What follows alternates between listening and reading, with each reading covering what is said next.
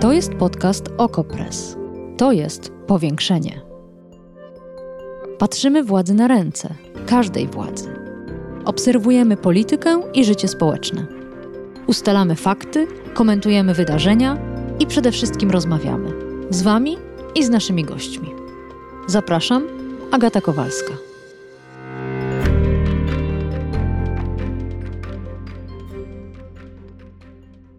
Mamy radykalny plan odejścia od rosyjskich surowców. To nie ja tak twierdzę, tylko Mateusz Morawiecki, premier polskiego rządu. Według niego Polska jest w stanie odejść od rosyjskiego węgla już w maju tego roku, a do końca roku odetniemy się, zapowiadał premier, od rosyjskiej ropy i gazu. Ogłosić embargo na rosyjski węgiel, a wdrożyć embargo na rosyjski węgiel to są dwa zupełnie różne wyzwania. Przede wszystkim, jakiego rodzaju węgiel sprowadzamy z Federacji Rosyjskiej i co go zastąpi? Czy radykalny plan premiera przewiduje jedynie dokuczenie Putinowi, czy także osłonę dla polskiej energetyki po wprowadzeniu tych sankcji? A może nie chodzi o ochronę jakiejś energetyki, tylko konkretnych ludzi w ich opalanych węglem domach? Co proponuje rząd?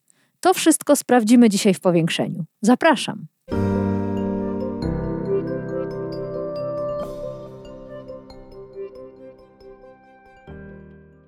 A gościem powiększenia jest pan Bernard Swoczyna, główny ekspert w programie Energia i Klimat w think tanku Instrat. Dzień dobry. Dzień dobry Państwu. A przede mną projekt ustawy o wyjątkowo długiej nazwie o szczególnych rozwiązaniach w zakresie przeciwdziałania wspieraniu agresji na Ukrainę oraz służących ochronie bezpieczeństwa narodowego. Długi tytuł, a krótki projekt. Składa się tylko z kilkunastu artykułów i kilkustronicowego uzasadnienia, a jest to projekt przygotowany teraz przez rząd i przedstawiony przez premiera Morawieckiego, który ma kilka elementów. I jednym z tych elementów chciałabym, żebyśmy dzisiaj się zajęli, jest to konkretnie artykuł 9, który zakłada, że ze względu na bezpieczeństwo narodowe zakazuje się przywozu na terytorium Rzeczypospolitej Polskiej i tranzytu przez terytorium RP węgla pochodzącego z Federacji Rosyjskiej oraz z niekontrolowanych przez Ukrainę obszarów. Chodzi oczywiście o obwody doniecki i ługański, czyli zakaz przywozu, zakaz tranzytu. My w mediach nazywamy to embargiem. Zacznijmy od tego, na co konkretnie miałoby to być embargo. Innymi słowy, co my w tej Rosji kupujemy, jaki rodzaj węgla?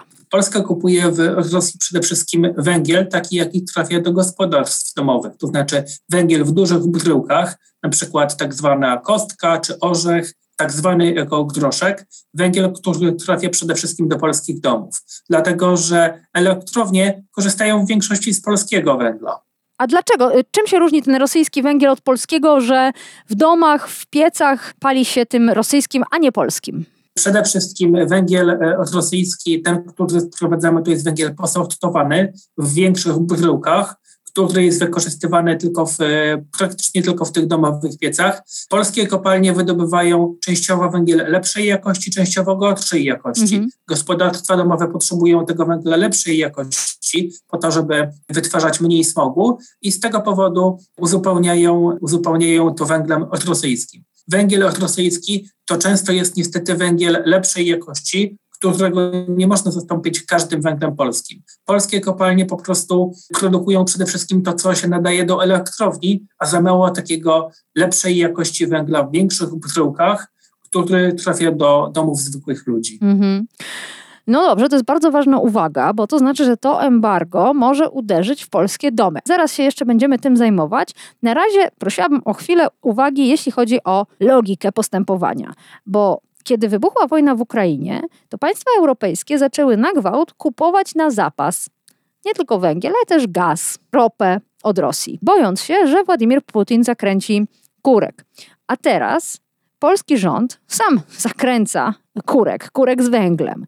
Jak rozumieć tę logikę i czy ona jest dostrzegalna, bo może tak? Na pewno należy jak najbardziej ograniczyć sprowadzanie węgla z Rosji, natomiast tutaj rząd powinien zaproponować rzeczywiste rozwiązania, czyli ludzie, którzy dzisiaj ogrzewają się węglem, powinni przejść na inne źródła energii, powinni też mieć po prostu e, ocieplone domy, dlatego że e, w ten sposób mogą e, rzeczywiście spaść ich rachunki za ogrzewanie i w ten sposób ich budynki zostaną po prostu zmodernizowane, dlatego że e, zobaczmy, że e, węgiel kamienny jest używany do ogrzewania głównie przez osoby biedniejsze czy osoby mieszkające na wsi. I tam podstawowym rozwiązaniem powinno być po prostu ocieplenie tych budynków, najlepiej od razu gruntowna termomodernizacja, która co prawda na początku oznacza spory wydatek, natomiast dzięki temu e, wydatki na ogrzewanie spadną nawet o dwie trzecie, dlatego że budynek, który jest wybudowany w nowym standardzie albo jest gruntownie zmodernizowany, e, po prostu nie traci ciepła. W związku z tym ogrzanie go jest naprawdę tanie. Ale to zdumiewa mnie to, co Pan mówi, wprawdzie może nie same fakty, bo one no, po prostu są faktami, ale bardziej y, to, że podniósł Pan ten wątek. Zupełnie nie podniosła go minister Moskwa, minister klimatu i środowiska na konferencji przedstawiającej projekt embarga. Za to y, obiecywała, że ponieważ sprowadzamy z Rosji 8 milionów ton węgla i 60% z tego węgla trafia do gospodarstw indywidualnych, do tych właśnie pieców, kopciuchów mm, różnego rodzaju, to y, nic nie szkodzi, dlatego że, uwaga, tu cytat, zwiększenie polskiego wydobycia, ale też import z Australii, RPA, Kanady i z innych kierunków zamorskich w krótkim czasie pozwoli nam te zapasy uzupełnić. Nie mówiła nic o termoizolacji, mówiła o tym, że po prostu ten węgiel kupimy gdzie indziej. Co pan na to?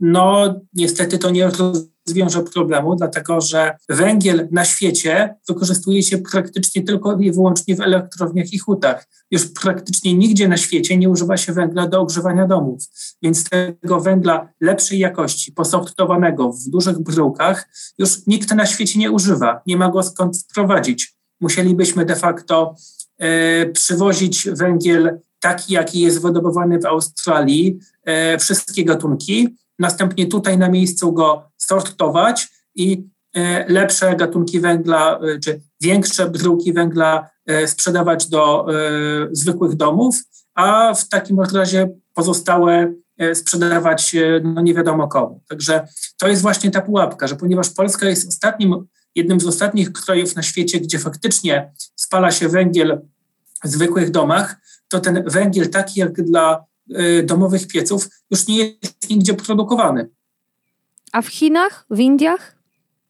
E, Chiny i Indie są po pierwsze bardzo daleko, poza tym Chiny i Indie e, same nie są w stanie wydobyć tyle węgla, ile potrzebują, więc te kraje nie będą eksportować węgla. Oba te kraje importują węgiel.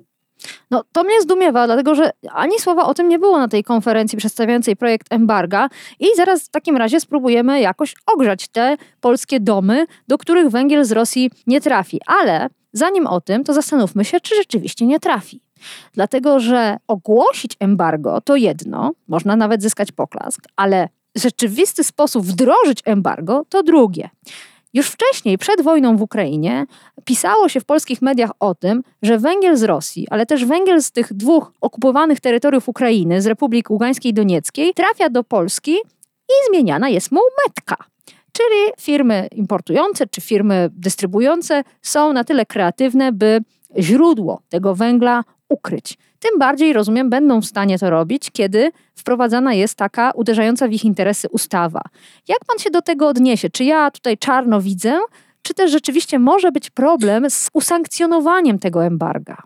E, rzeczywiście jest to istotny problem. Dobrze, że go Pani potruszyła.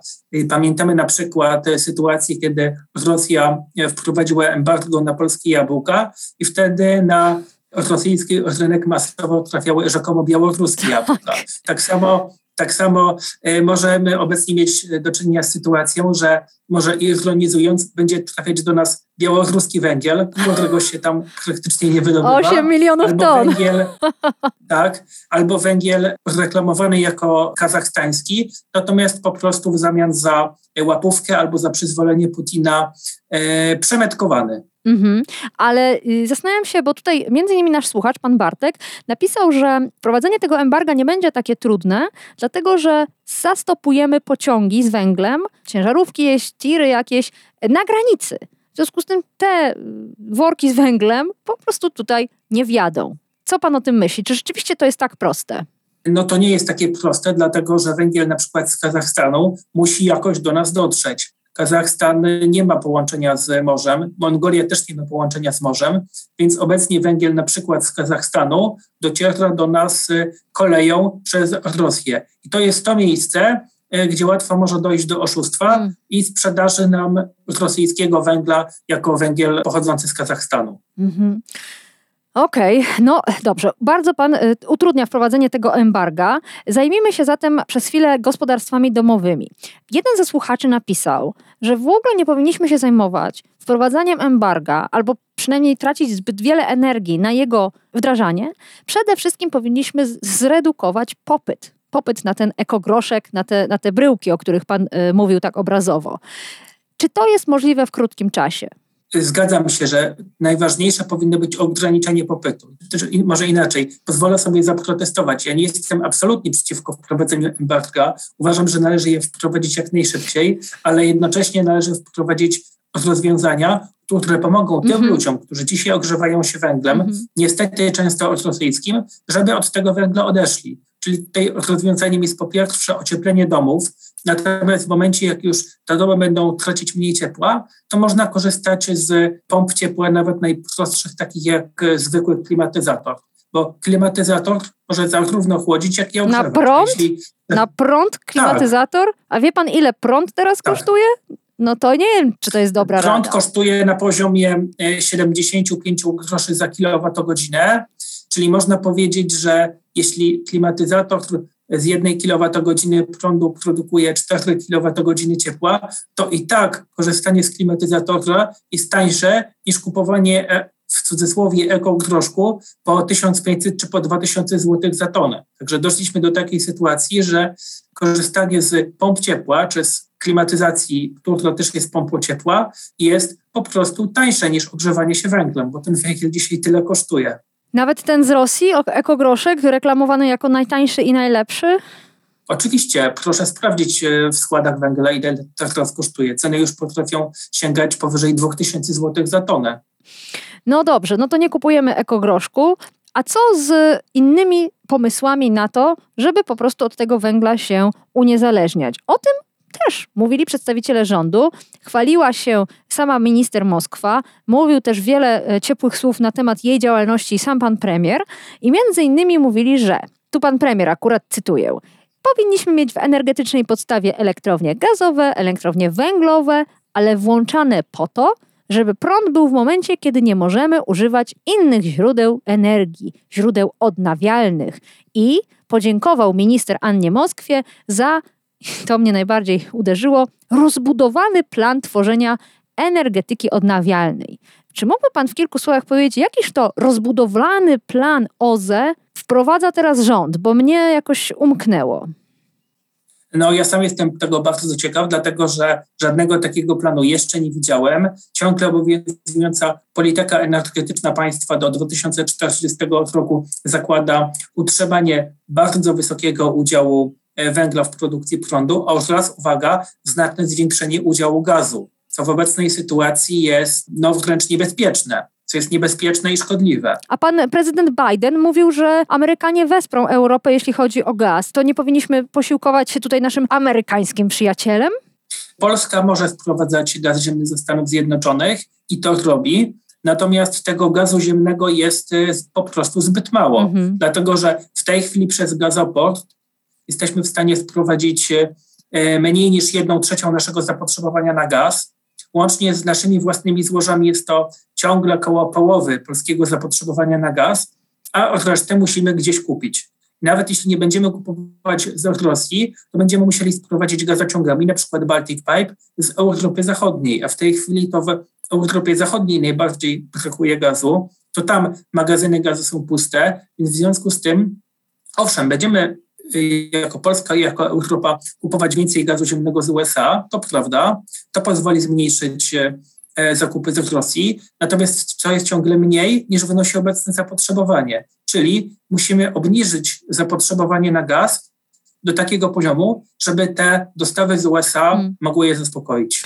No i tutaj właśnie jestem trochę w kropce, bo później pan e, premier jeszcze mówił o tym, że przygotowaliśmy się znaczy my jako Polska ponoć już jesteśmy przygotowani na odejście od węglowodorów i to y, mnie naprawdę zdumiewa, dlatego że śledziłam z zapartym tchem, jak Prawo i Sprawiedliwość redukowało szanse na rozbudowę farm wiatrowych. Nawet część polityków tej partii kampanie wyborcze wygrywała na haśle walki z wiatrakami, a jednocześnie właśnie ograniczono program fotowoltaiczny dla gospodarstw domowych, nie tylko ograniczając dopłaty, ale również uniemożliwiając prosumentom uzyskiwanie zwrotu finansowego z wyprodukowanego ze słońca prądu. Więc może, ja, może mi coś umknęło, może coś się w tych obydwu kwestiach, wiatrakach, fotowoltaice zmieniło w ciągu ostatniego tygodnia.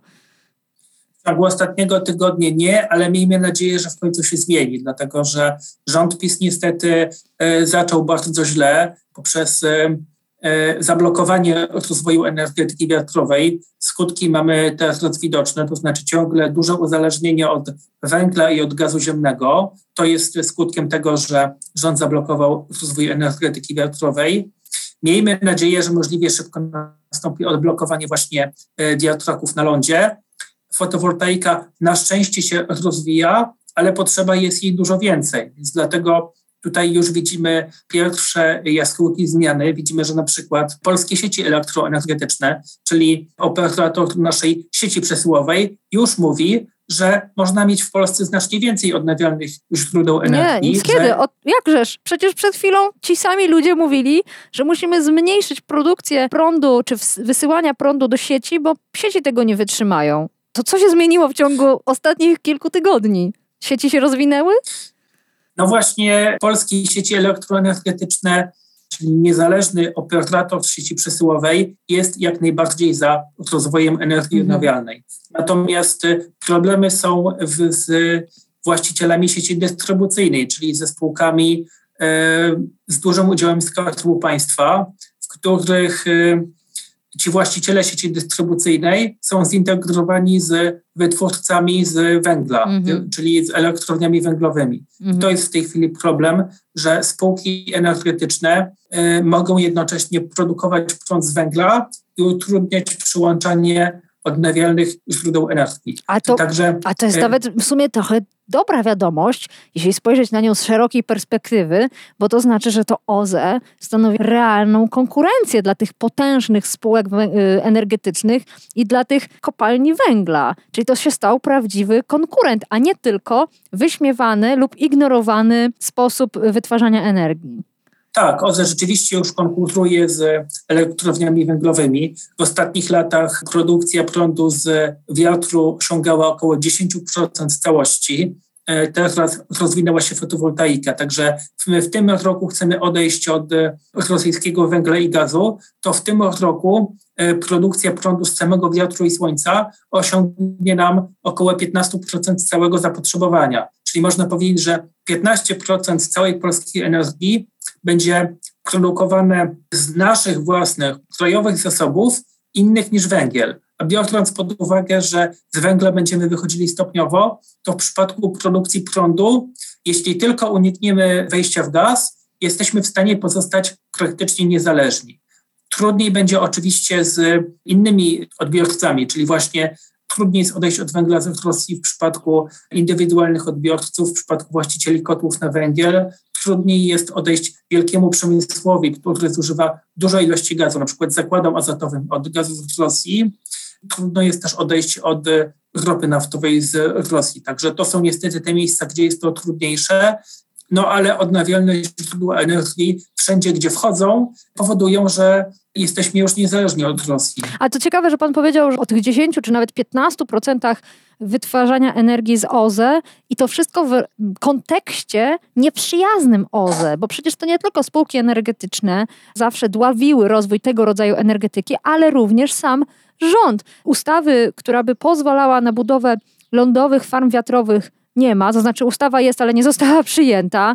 Zmiany, o których już wspominałam w fotowoltaice, raczej przyduszają ten rodzaj produkcji energii, a nie rozwijają.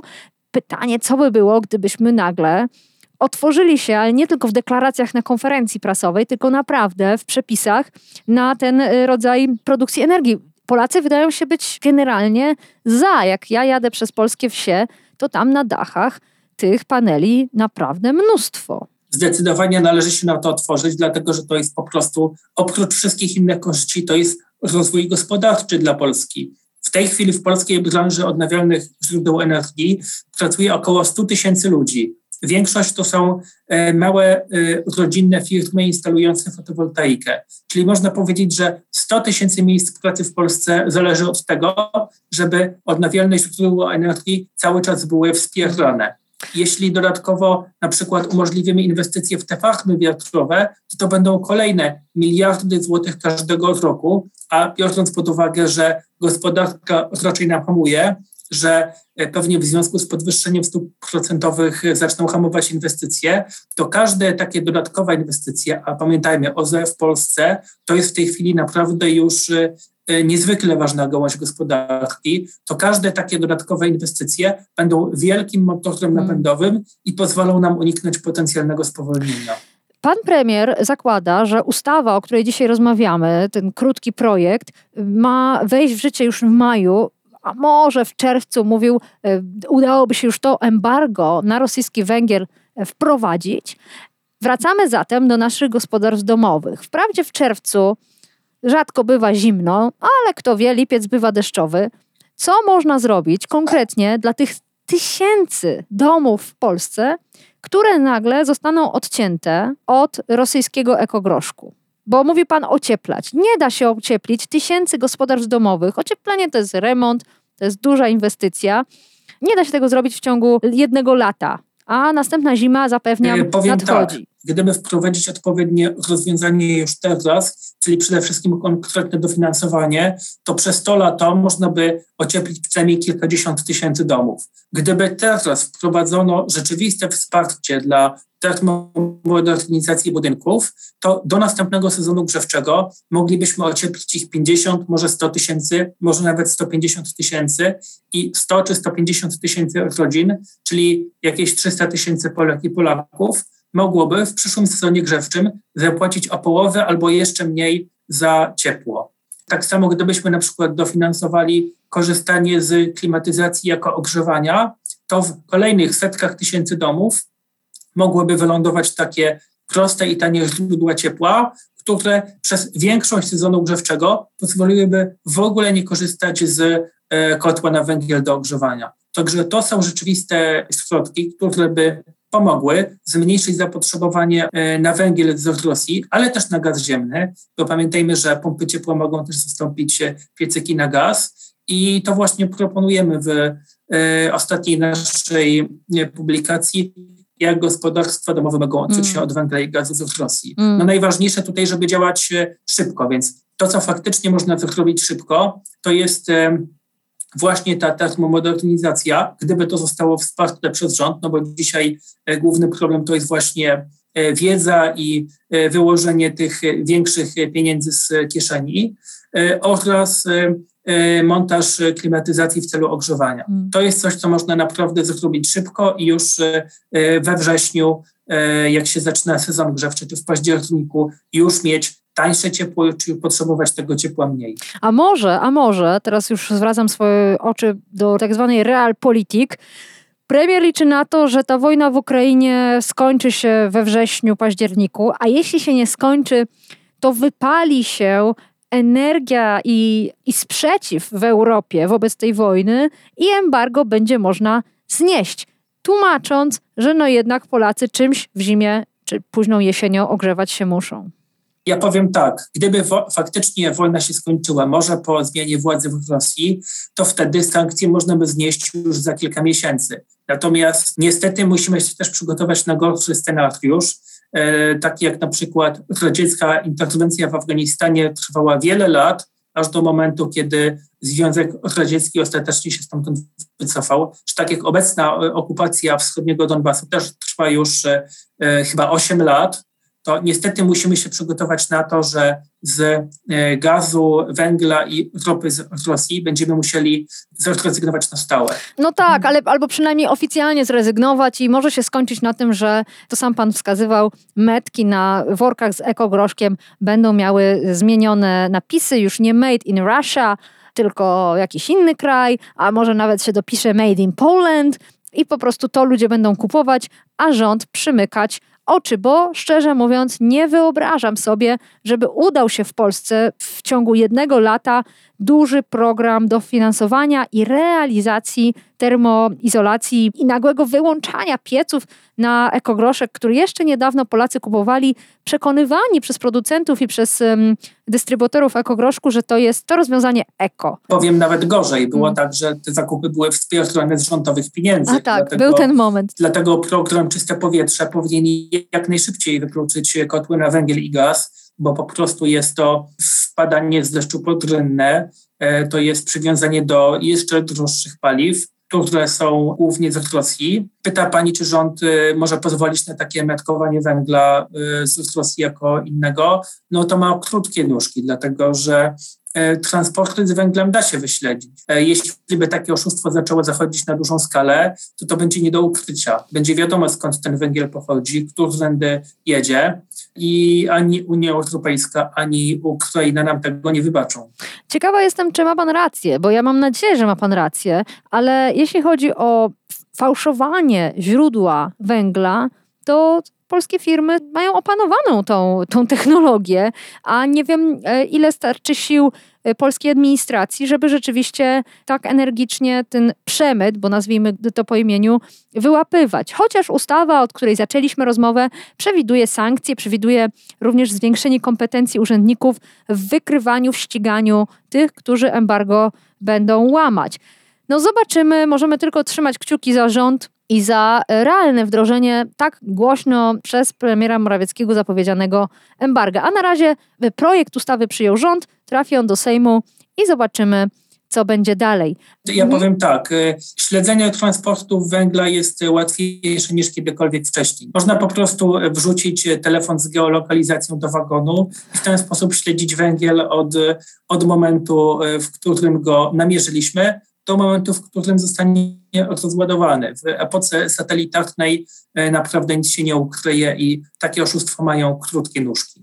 No, musi być ktoś, kto ten telefon tam do tego wagonu wrzuci, a y, prawda jest taka, że może się okazać, że niewielu osobom zależy na tym, żeby naprawdę ten węgiel ścigać. Ale obym się myliła, obym się myliła. Jak, jak tylko się okaże, że się głęboko myliłam, to znów spotkamy się z naszym gościem. Bernard Swoczyna, główny ekspert w programie Energia i Klimat w think tanku Instrat, był Państwa i moim gościem. Dziękuję bardzo. Dziękuję.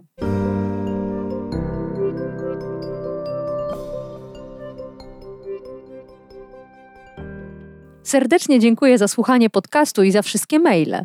Te z uwagami, z opiniami i z pomysłami na kolejne odcinki. Czekam na następne. agata.kowalska Chociaż akurat najbliższy odcinek powiększenia wymyśliłam sama. Za moim oknem piękna wiosenna ulewa, ale większość Polski jest sucha jak pieprz. Co z naszymi ogródkami? Co z wodą w kranie? A przede wszystkim co z uprawami?